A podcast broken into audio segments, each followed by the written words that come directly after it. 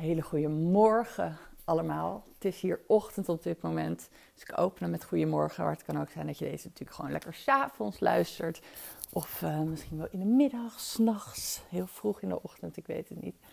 Um, ik heb op Instagram al even aangekondigd dat ik hier een podcast over zou maken.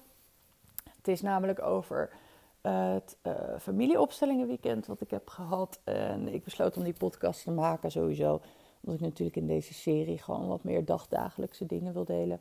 Maar ook omdat ik echt ontzettend veel DM-berichten hierover kreeg met vragen. En ook veel betrokkenheid hoe het was geweest. En dan is het blijkbaar wel een onderwerp wat bij mensen speelt. Ik moet zeggen dat ik ook best wel veel mensen tegenwoordig hoor uh, die er iets mee doen of die er iets mee hebben gedaan. Toen ik voor het eerst erover hoorde, ik kende het al wel langer, maar toen ik echt mensen er content over zag maken, ik denk een jaar of anderhalf geleden, dacht ik echt van, nou, dat is echt helemaal niks voor mij. Weet je, dat, uh, dat is niet iets wat ik nodig heb of zo. En um, nou ja, heel vaak als, als ik heel sterk een gevoel heb ergens bij en denk van, nou, dat heb ik niet nodig, dan uh, kom ik er uiteindelijk toch op. dat is in mijn leven heel vaak zo gegaan. Trouwens ook met um, mensen of coaches of misschien ook wel in de liefde. Uh, dingen die goed voor me zijn, kan ik in het begin heel erg het gevoel van hebben dat ik er niks te zoeken heb. En dat was bij dit eigenlijk ook zo. Ik dacht, nou weet je, heel veel uh, is gewoon niet voor mij. En dit is gewoon iets wat daaronder valt. Dus zo uh, geschieden. Ik ging verder met mijn leven en ik dacht, deze afslag hoef ik niet te nemen. Ik ben een beetje lawaai aan het maken, want ik ben even een raam aan het dicht doen hier. Ik heb namelijk, uh, ik ben gewoon thuis aan het werk. Maar ik heb, um, uh, ik zat dus beneden, maar mijn hond heeft dus een hele rare tik de laatste tijd. Namelijk op het moment dat ik ga bellen, gaat hij een soort van piepen. Dus dat is een beetje irritant. dus ik dacht, dat, uh, daar ga ik dus niet tussen zitten. Dus ik ben hem eventjes gaan verplaatsen. Goed, um, ik ging dus verder met mijn leven. En uiteindelijk kwam ik op Instagram weer iets tegen over familieopstellingen. Dat was eigenlijk bij uh, Esmee op het kanaal. Die had toen, um, Esmee Noël is haar Instagram. Zij had toen dus een um, live gedaan met Simone. Degene die dit jaarprogramma ook ging, uh, ging hosten of heeft georganiseerd. Um, volgens mij echt een super goede opsteller binnen Nederland. Dus als je iets wil doen, ik zal uh, zeker ook eventjes online delen wie dat is en dat soort dingen. Maar het is echt een aanrader. Ik denk zelf namelijk bij dit soort dingen dat je echt wel uh, moet oppassen naar wie je toe gaat. Dat het echt belangrijk is om in goede handen te zijn. Want ik vind het wel heel kwetsbaar werk. En ja, als je dan bij iemand bent die het vak gewoon niet goed verstaat of zo, dat, dat lijkt me gewoon echt verschrikkelijk. Dus een warme aanbeveling daarvoor. Maar goed, Esme deed dus die live met Simone op haar Instagram. En toen dacht ik van, poeh, dit is toch wel iets. En dat is bij mij vaak gewoon een gevoel. Helemaal niet dat ik daarover na kan denken of het snap. Maar ik dacht, ik heb daar wel iets te zoeken. En dat was dus in de aanloop naar een jaarprogramma. Waarin je dus een jaar lang met familieopstellingen aan de slag gaat. En eigenlijk ook zes weekenden echt vanuit een hotel meerdere dagen bent en echt helemaal ook bezig gaat met innerlijk werk en dergelijke, maar ook echt met opstellingen. Um, en die opstellingen zijn dan ook op verschillende thema's. Hè? Maar ja, van, van het punt van ik heb helemaal niks met familieopstellingen, daar hoef, heb ik niks te zoeken, ging ik dus in één klap naar laat ik me inschrijven voor een jaarprogramma. dat is natuurlijk eigenlijk best wel extreem, maar voor mij is dat dus wel heel logisch. Want op die manier doe ik het heel vaak namelijk. Ik kan weerstand hebben bij iemand of bij iets. En dan um, als dat verandert en ik voel ik heb daar iets te zoeken, dan ga ik een soort all in. En dan, dan zeg ik gewoon, oké, nou hier moet ik blijkbaar zijn, daar ga ik naartoe. Niet weten wat me gaat brengen. En dat was in dit geval eigenlijk ook zo. Dus ik ben um, daar, ik heb me daar ingeschreven en ik dacht echt van, nou, wat zal het gaan worden? En ik had dus ook nog nooit eigenlijk een familieopstelling gezien. Of opstelling of systemisch werken. Ik heb er nog nooit naar gekeken. Wel energetisch dat je je bijvoorbeeld moet verbinden met je voorouders of met je ouders of met mensen in je eigen systeem. Maar uh, niet in, in opstellingen zin. Dus het allereerste weekend dat ik daar kwam, wist ik ook niet wat ik moest verwachten. En dat vind ik ook helemaal oké.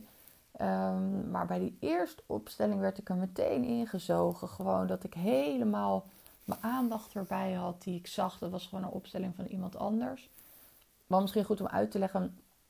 We doen dan dus uh, vanuit een zaal zitten we met z'n allen. Het is er trouwens, dat heb ik ook nog helemaal niet verteld.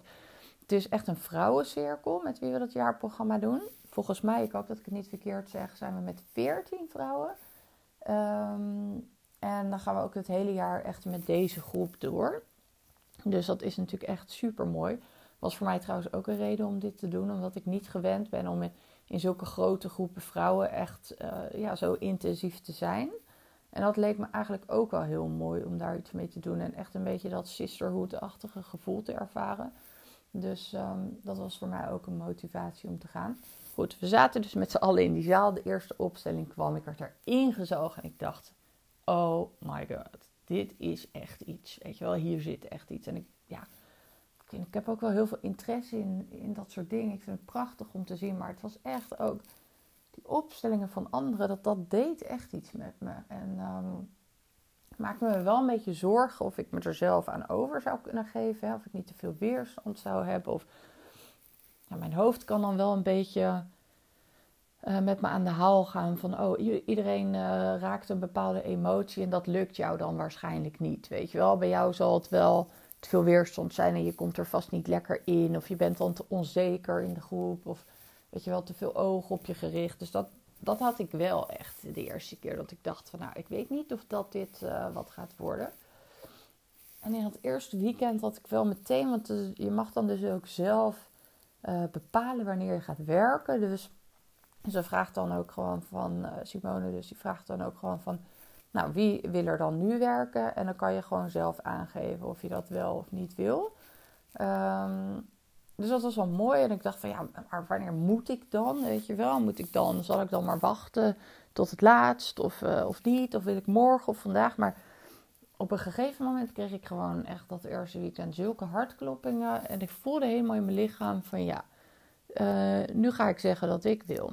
Dus dat was ook eigenlijk wel bijzonder. En ja, waar ik eigenlijk eerst bang was van zou ik er wel goed inkomen, werd ik er gewoon ingezogen. En het was gewoon niet eens meer de vraag van kan je bij een emotie. Ik werd gewoon vastgegrepen en overladen eerlijk gezegd. En ik was heel verdrietig. En um, ja, ik weet dat ik echt al moest huilen. En maar ook wel echt heel verloren voelde in die opstelling. Dat was dus vorig weekend, niet dit weekend. En um, dat was dus eigenlijk de moederlijn die we toen gingen doen.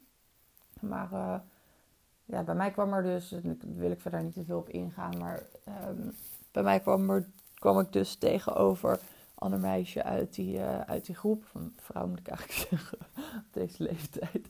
Uh, ik heb nog de neiging altijd om, zeg maar, leeftijdsgenoten meisjes te noemen. Ik weet ook niet hoe het komt. Maar zij kwam tegenover mij te zitten. We waren eigenlijk allebei echt aan het huilen. En ja, dat was dan, um, kwam dan eigenlijk neer op een, uh, op een tweelingzus van mij. En dan, dat is dus eigenlijk in opstellingenwerk heel bekend uh, fenomeen. Maar dat gaat over alleen geboren tweelingen. En dat is dus iets wat heel veel voorkomt eigenlijk. Volgens mij 1 op de 10 zwangerschappen begint als een meerling en gaat dan door um, gewoon als eenling, om wat voor reden dan ook. Maar ik heb er ook al een boek over gelezen, vond ik vrij intens hoor. Maar um, ja, dat kan wel bepaalde gevolgen hebben voor de rest van je leven. Ik moest wel even wennen aan dat idee. Maar goed, het komt niet voor niks zo uit zo'n opstelling. Dus het is goed om gewoon in je proces mee te nemen, denk ik dan zelf.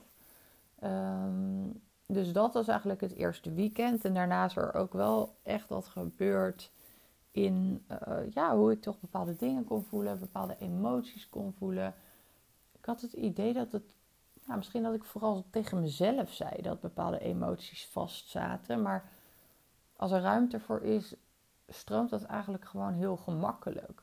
Ik was ook op een uitvaart laatst bijvoorbeeld en nou, we waren nog niet in de zaal. Of ik uh, zat al helemaal te huilen omdat ik zoveel daarbij voelde bij die uitvaart en bij wat er helemaal was gebeurd en wat ik voor me zag en wat ik daar voelde. Dat, ehm, ja, dat ik misschien ook wel te vaak tegen mezelf heb gezegd dat mijn gevoel vastzit op bepaalde punten. Want overal voel ik heel veel. En ben ik ook best wel expressief en explosief qua gevoelens. Maar met bepaald verdriet of zo had ik soms het gevoel dat het, dat het een beetje vast zat. Maar doordat ik het heel vaak tegen mezelf herhaalde, denk ik dat het meer daardoor is gekomen dat ik het ook vast heb gezet. Want ja, als je mij, mij in een situatie brengt waarbij er gewoon heel eventjes een kleine opening is voor gevoel, dan is het, ja, zit ik er eigenlijk meteen in. Ook bij de gemiddelde meditatie, visualisatie, uh, transcendente reizen, psychedelische reizen, whatever wat. Ik vlieg altijd als eerste weg eigenlijk. um, ja, ik zie dat wel bij meer mensen gebeuren. Dat ze dan ook vervolgens heel erg van anderen horen van je, je voelt niet bijvoorbeeld. En uh, dan misschien ook tegen, tegen zichzelf gaan zeggen van mijn gevoel zit vast. Of ik kan niet bij mijn gevoel of ik kan niet voelen. En ja, als je dat patroon of als je dat, stuk dan elke dag herhaalt, dan gaat het denk ik alleen maar meer vastzitten. Dus ik ben nu juist tegen mezelf aan het zeggen van je kan heel gemakkelijk bij je gevoel. Faciliteer gewoon de ruimte. En dat is echt een nieuw mantra. Zo heb ik trouwens in mijn leven heel veel mantra's waarmee ik, of dingen die ik tegen mezelf zeg, waarmee ik bepaalde dingen probeer te sturen. Uh, misschien een side note, maar ik zit nu in een experiment om, uh, of een side, niet een side note, een side step, sorry. Ik zit nu in een experiment met mijn ogen, want ik heb dus uh, best wel lang lenzen gehad. En met een sterkte, niet een verschrikkelijke sterkte, maar wel een cilinder en 0,75 zoiets. Maar ik had echt last als ik niet die lenzen of een bril op had, vooral met computeren, dat soort dingen. Maar voor veraf had ik het. Maar wat gebeurde er nou? Op het moment dat ik zwanger was, en van Jenny had ik dat al, maar later van Isabel ook, uh, veranderde dus de sterkte van mijn ogen. In bepaalde trimesters werden ze veel slechter, maar in bepaalde trimesters werden ze ook veel beter. Dus bijvoorbeeld, en zeker als ik zeg maar net was bevallen, dan ging ik naar de opticien en ik meette helemaal geen sterkte meer. En dat vond ik echt best wel bizar, want ik dacht, mijn ogen zijn dus niet kapot. Er is iets anders wat ervoor zorgt of ik wel of niet sterk uh, of scherp zie. En dat triggerde me zo dat ik dacht van ja, maar als mijn ogen zich dus gewoon door wat voor reden dan ook kunnen aanpassen, dan hoef ik me niet afhankelijk te stellen van lenzen. En ik zeg niet dat dat bij iedereen zo werkt. Dat is natuurlijk denk ik afhankelijk van hoe het komt, maar in mijn geval was ik wel een beetje overtuigd. Want ja, als ik net ben bevallen, dan is het logisch dat de natuur zegt: jouw ogen moeten heel goed werken, want je moet je kinderen beschermen. Zo, zo zie ik dat. En dat betekent dus ook dat mijn lichaam in staat is om dat aan te passen. Dus toen heb ik eigenlijk, toen dat bij de tweede zwangerschap weer gebeurde, heb ik een, uh, ben ik een experiment gestart.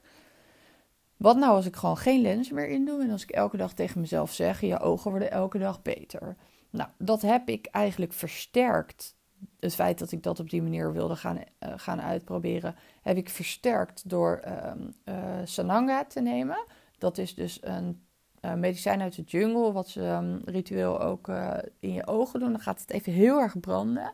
En daarna krijg je wel een soort heel extreme innerlijke rust en een soort helder zicht. Tenminste, zo was het voor mij.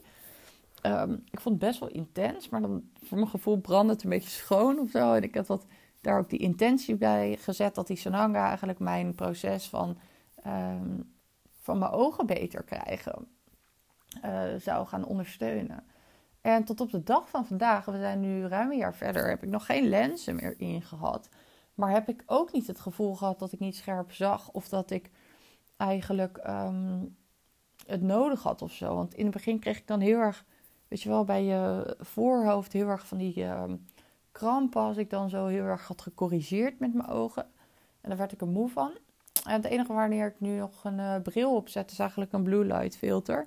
En verder heb ik dus geen sterkte meer in. Ik ben heel benieuwd hoe lang ik het kan volhouden. Maar als ik af en toe denk, oh volgens mij zie ik iets minder goed. Dan zeg ik ook meteen tegen mezelf van nee, jouw ogen worden alleen maar beter. En dan, dan herpak, herpak ik me weer of zo. En dat ben ik dus ook gaan doen bij gevoelens uiten, bij gewoon vrij zijn, in verdriet voelen of huilen of dat soort dingen. Gewoon tegen mezelf gaan zeggen van, nou, je kan daar heel makkelijk bij, creëer de, creëer de ruimte. Dus als je voelt dat je vastzit in je gevoel, hoef je niet te zeggen, ik kan dit niet, maar creëer ruimte, zodat, ja, zodat je het toe kan laten, zeg maar. En ja, help jezelf met de overtuiging dat, dat je het juist wel kan. Zo, uh, zo zou ik het eigenlijk willen zien. Goed, terug naar de opstellingen. Weekend 2 was ik er niet bij, omdat mijn ouders ziek zijn geworden en die zouden op de kinderen passen. En ik heb moeite gedaan, maar het is niet gelukt om, om oppas te regelen. Vond ik heel jammer, maar soms is het wat het is. En zijn we doorgegaan naar weekend 3. Ik ga de opstellingen uh, van weekend 2 wel nog uh, inhalen of later doen. Maar weekend 3 uh, eh, was dus afgelopen weekend. We kwamen met al die vrouwen weer bij elkaar. En ja, überhaupt het feit dat zo'n groep zo'n warm bad kan zijn. Zo'n super veilige omgeving, maar waar ook gewoon plezier gemaakt wordt. Waar lol gemaakt wordt, waar je over het leven kan praten. Waar je dus met elkaar uh, die processen doorgaat en die opstellingen doorgaat. En dus ook deelgenoot mag zijn van de processen van anderen. Wat mij heel erg rijk doet voelen, serieus waar. Want ik leer er zoveel van. En soms zit er ook gewoon iets in de opstelling van een ander, heel vaak eigenlijk, wat je dan helemaal meevoelt. En wat voor jou ook iets kan betekenen. Ik geloof ook echt dat, dat dan het stuk van die ander voor jou ook iets kan opschonen of uit de weg kan, uh, ja, kan helpen.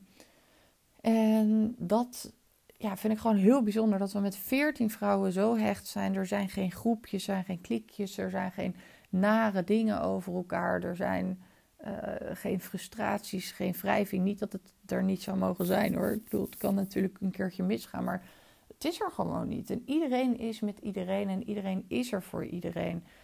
Um, het lijkt ook alsof we de veiligheid voor elkaar proberen te creëren. Dat er altijd iemand in je buurt is of, of even vraagt hoe het met je gaat als je het nodig hebt.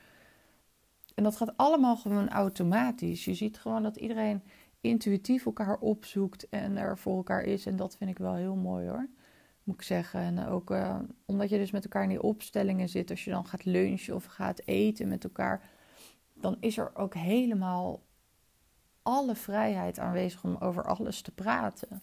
Want ja, je weet al zoveel van elkaar in die opstellingen. Je gaat al diep dat het ook niet meer nodig is om, om moeilijk te doen over onderwerpen die je dan tijdens het eten aan zou snijden of zo, uh, aan zou kaarten. Um, dus dat vind ik eigenlijk echt heel erg mooi. Zijn echt wel, uh, al die vrouwen hebben echt wel een plekje in mijn hart. En ook um, uh, Simone en José, die dus het, het werk echt doen. Daar ga ik natuurlijk niet allemaal namen noemen, want het is hartstikke privé. Ik ga het ook niet hebben over andermans opstellingen, maar wel. ik vind het wel fijn om te, delen hoe ik het ervaar natuurlijk daar. En het feit dat ik dat programma doe bij Simone, dat mag geen geheim zijn. Dat vind ik helemaal perfect, want ze gaat het nog vaker doen. Dus hou dat vooral in de gaten als je denkt dat is ook iets voor mij. Ik denk als vrouw uh, dat dit echt een heel helend proces is. En laat ik bij mezelf beginnen. Ik denk dat dit voor mij een heel helend proces is. Dit weekend stond in het teken van innerlijk werk. Uh, innerlijk kindwerk, moet ik zeggen. En uh, ik wist niet zo heel goed wat ik me daarbij moest voorstellen. We begonnen in het weekend ook um, ja, met een, een hele mooie sessie die um, geleid werd. En waar we echt ook innerlijk werk en lichaamswerk hebben gedaan. Dus dat was ook echt super mooi. En in die sessie uh, kwam bij mij eigenlijk heel erg naar voren dat, uh, dat ik in het begin eigenlijk kwam dus heel veel angst. En ja, dat, dat was echt wel heel duidelijk voor mij eigenlijk. Dat ik dacht van, waar komt die angst eigenlijk vandaan? Ik had echt het gevoel van, nou, iedereen schreeuwt om me heen. En um, de, trouwens, ik, ik weet niet hoe dat... Um, heet, maar volgens mij heet het KAP. Dat is misschien wel goed om nog even te delen, want dat is K-A-P. Uh, waar stond het voor? Kundalini Activation Process, denk ik. Als ik het goed heb onthouden, misschien zeg ik iets heel doms, maar KAP is het dus. Um, um, dat is dus, was op hele bijzondere muziek. Um, en dan lig echt een reis, ben je maken, innerlijke reis van een uur ongeveer. En in het begin was het dus zo dat er bij mij heel veel mensen achter me aan zaten. En dat ik heel bang werd fysiek. En ik merkte ook dat ik niet meer goed kon ademen. Dat ik heel hoog zat. En iedereen achter me aan en schreeuwen. En ik weet niet, ik, uh, mijn vriend keek gisteren een of andere freaking serie met zombies die achter mensen aan zaten. Toen moest ik ook nog even aan die kapsen zien denken van... Oh ja, zo voelde ik me een beetje. Weet je, alsof je opgegeten wordt daarna. Maar dat ging daarna wel over. En toen kwam ik juist in heel veel mooie verbinding met mezelf, met anderen. En uh, ja, was het gewoon een hele, hele fijne reis. Ga ik je verder niet mee, uh, mee vermoeien. Maar zo begon het weekend dus voor mij. Um, maar ik snap nu achteraf ook wel waarom die angst zo naar boven kwam. Dus toen um, kwam mijn opstelling en ik ging me uh, voorstellen aan de hand van een, kinderfoto. Dat hadden we allemaal gedaan. Dus ik had een kinderfoto van mezelf mee. En ik had vaker in, in dat weekend even naar die foto gekeken. Ik dacht elke keer van ja, dit is echt wel de energie die ik gewoon helemaal weer vrij wil maken voor mezelf. Ook al verbind ik me er wel vaak mee met die, ja, die echt wel voor mij hele onbevangen, enthousiaste, kinderlijke energie. Het maakt echt actief deel uit van mezelf. Ik voel me daar heel nauw mee verbonden. Maar ja, ik wist dat er ook een laagje overheen is gegaan of dat er een kantelpunt is geweest. Ik heb een super fijne jeugd gehad en tuurlijk heb ik ook dingen meegemaakt in mijn jeugd en als kind waar ik uh, ja, later, die ik later nog wel eens tegen ben gekomen. Of waar ik iets mee moet. Of ik droeg iets bij me. Weet je. Ik heb ook um, eerlijk gezegd niet zo'n hele soepele geboorte gehad. Bijvoorbeeld met de navelstreng om mijn nek heen. Um, en toch wel veel ademtekort. Uh, dus natuurlijk, je hebt allemaal wel dingetjes. Maar ik heb natuurlijk ook seksueel trauma. Uh, dan, gaat, dan heb ik het over de verkrachting op mijn dertiende ik noem het beestje altijd maar gewoon bij het naampje. Want ja, anders draai ik er zo omheen. En uh, veel mensen kennen dit verhaal, is ook geen geheim. Um, maar ik heb een beetje met mezelf zitten worstelen ook in aanloop naar dit weekend toe. Van ja, ik ga daar niet toch mee aan de slag. Daar ga ik niet mee werken. Ik had de hele tijd gezegd van nou, het mag er zijn als het er echt moet zijn, maar het hoeft voor mij niet. Weet je, niet een beetje zo van niet weer dat. En uh, zitten die mensen ook niet op te wachten. En kijk gewoon even naar iets uit je kindertijd of zoiets. Maar goed, um, ik kan alles willen. Uh, met dit systemisch werk voelt het voor mij gewoon alsof ik helemaal niks te willen heb. En ja, ik kan uh, heel veel bedenken, maar het gaat gewoon precies zoals het gaat, eerlijk gezegd. En ik ging daar zitten en ik voelde al die emotie um, opkomen. Ik voelde al die angst van de ochtend, um, van de kapsessie die ik had gehad. En ik dacht gewoon van ja, weet je, ze vroeg van zijn er dingen gebeurd denk, ja, ik kan nu heel kinderachtig uh, vanuit mijn mind iets gaan verzinnen waar we dan iets mee kunnen doen. Maar dit is gewoon top of mind. En ik voel het door mijn hele lichaam al gaan. Dus ik denk van ja, ik ga dat gewoon uh, toch opperen. Um, volgens mij voelde Simone ook wel dat dit het gewoon moest zijn. En ik vond het wel heel mooi dat ze gewoon heel voorzichtig mee omging. Want ze heeft me wel gevraagd of ik het wilde. En uh, ja, was gewoon goed voor mij. En dan is het moeilijk voor mij om de opstelling helemaal terug te halen. Ik denk dat ik het even ga vragen nog aan mensen die erbij waren. Want het was zo'n heftige opstelling voor mij, intern eigenlijk, met wat ik heb gevoeld. En ik heb wel aardig wat werk op dit trauma gedaan.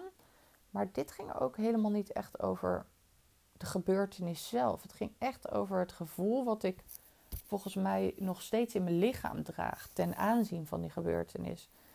Um, dat kwam echt in hele heftige mate naar boven. Maar ik heb het voor mijn gevoel op een heel diep level meegemaakt, waardoor ik met mijn hoofd niet echt meer precies weet hoe de opstelling nou ging.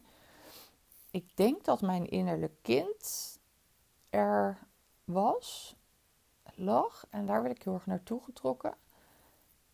En er waren uh, twee daders waren opgesteld ja, kon ik eigenlijk wel gewoon naar kijken. Ik had daar ook niet een heel heftige lijn mee. Of dat ik daar heel, me heel verbonden constant mee voelde. En er was een ander deel van mezelf. Volgens mij ging dat over een afgesplitst deel.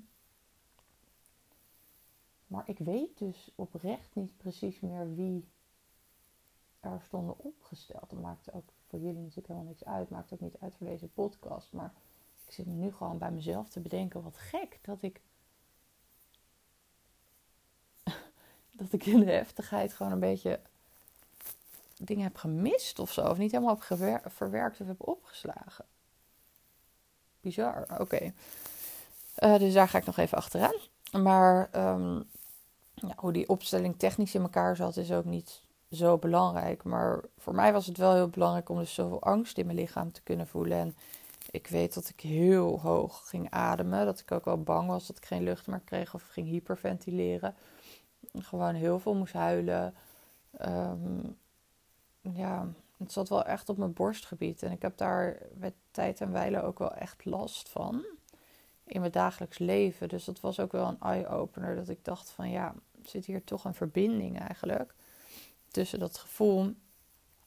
En ja, het zit dan toch heel erg op het gevoel van wat ben je waard als uh, mensen zoiets doen, bijvoorbeeld. En ja, in hoeverre neem je het jezelf kwalijk dat je, dat je niet zoveel waard bent voor je gevoel. Dus hè, ik snap dat het niet, niet daadwerkelijk zo is.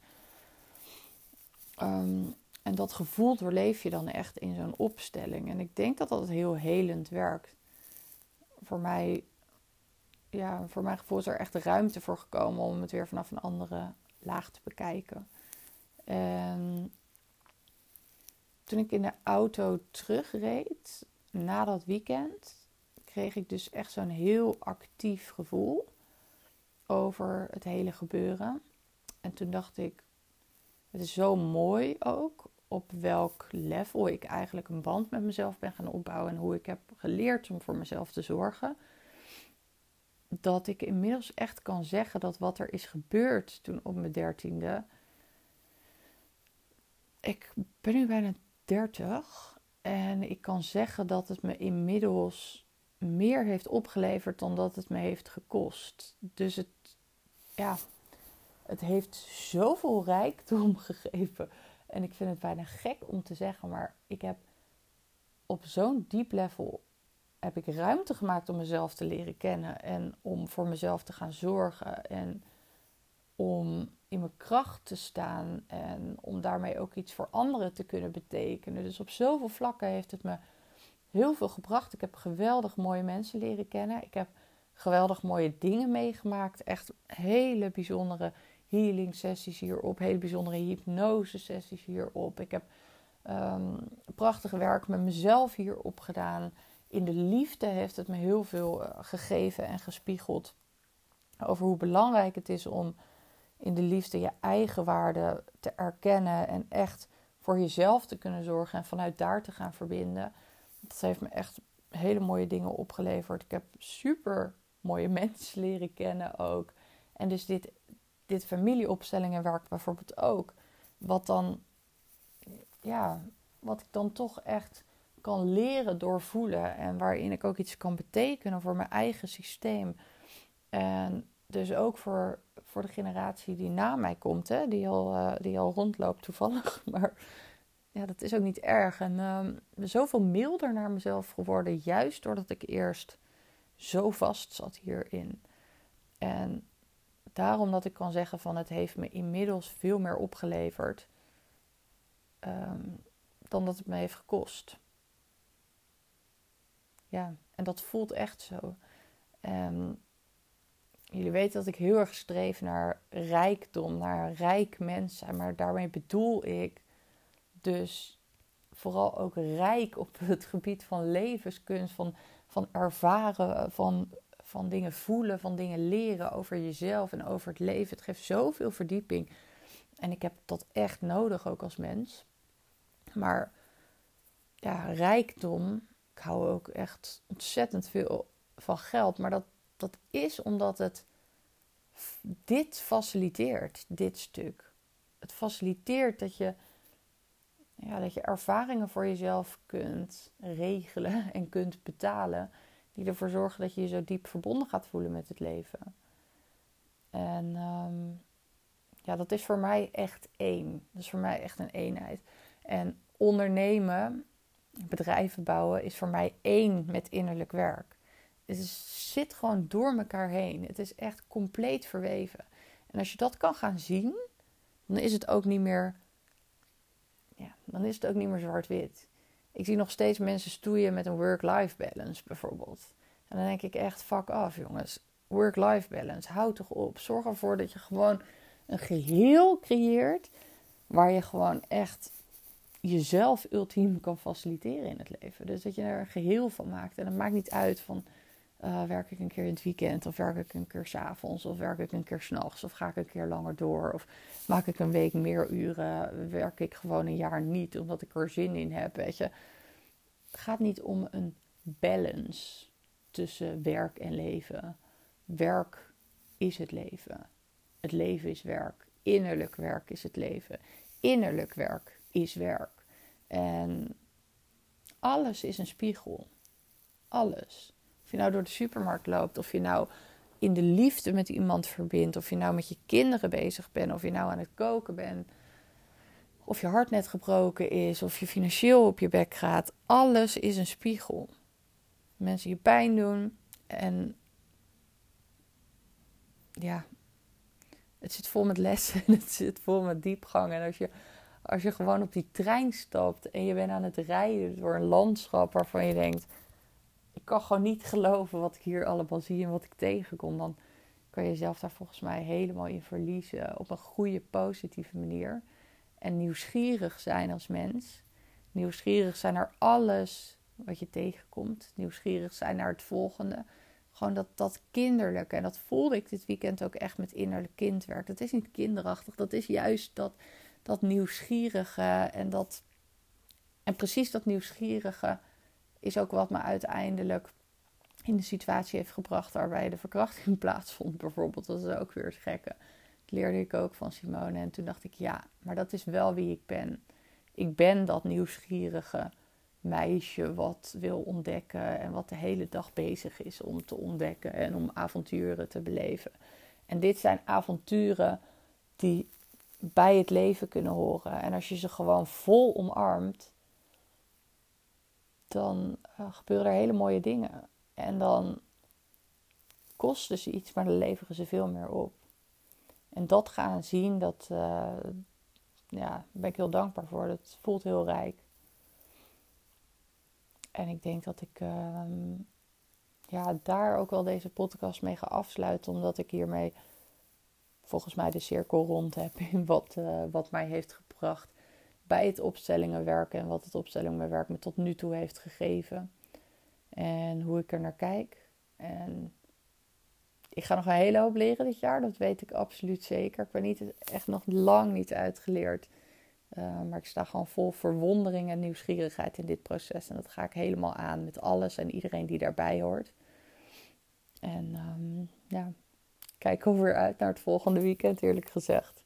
Wat trouwens ook heel erg goed is om gewoon eventjes lekker weer een weekend weg te zijn met jezelf. En uh, ja, door even echt uit te stappen. Dat doet ook veel voor een mens. Dus durf te investeren in jezelf is, um, is wel weer gebleken dat dat heel goed doet. Ik wil jou bedanken voor het luisteren als je erbij was. Superleuk. Ik um, zit dus nog steeds in mijn experiment om gewoon met oortjes laagdrempelig op te nemen en het meteen zelf live te gooien zonder strategie, dat soort dingen. Op maandag werk ik niet, dus vooralsnog uh, kan je van mij verwachten dat er dinsdag, woensdag, donderdag, vrijdag een podcast live komt. En um, dan gaan we met elkaar kijken waar het schip strandt met dit experiment.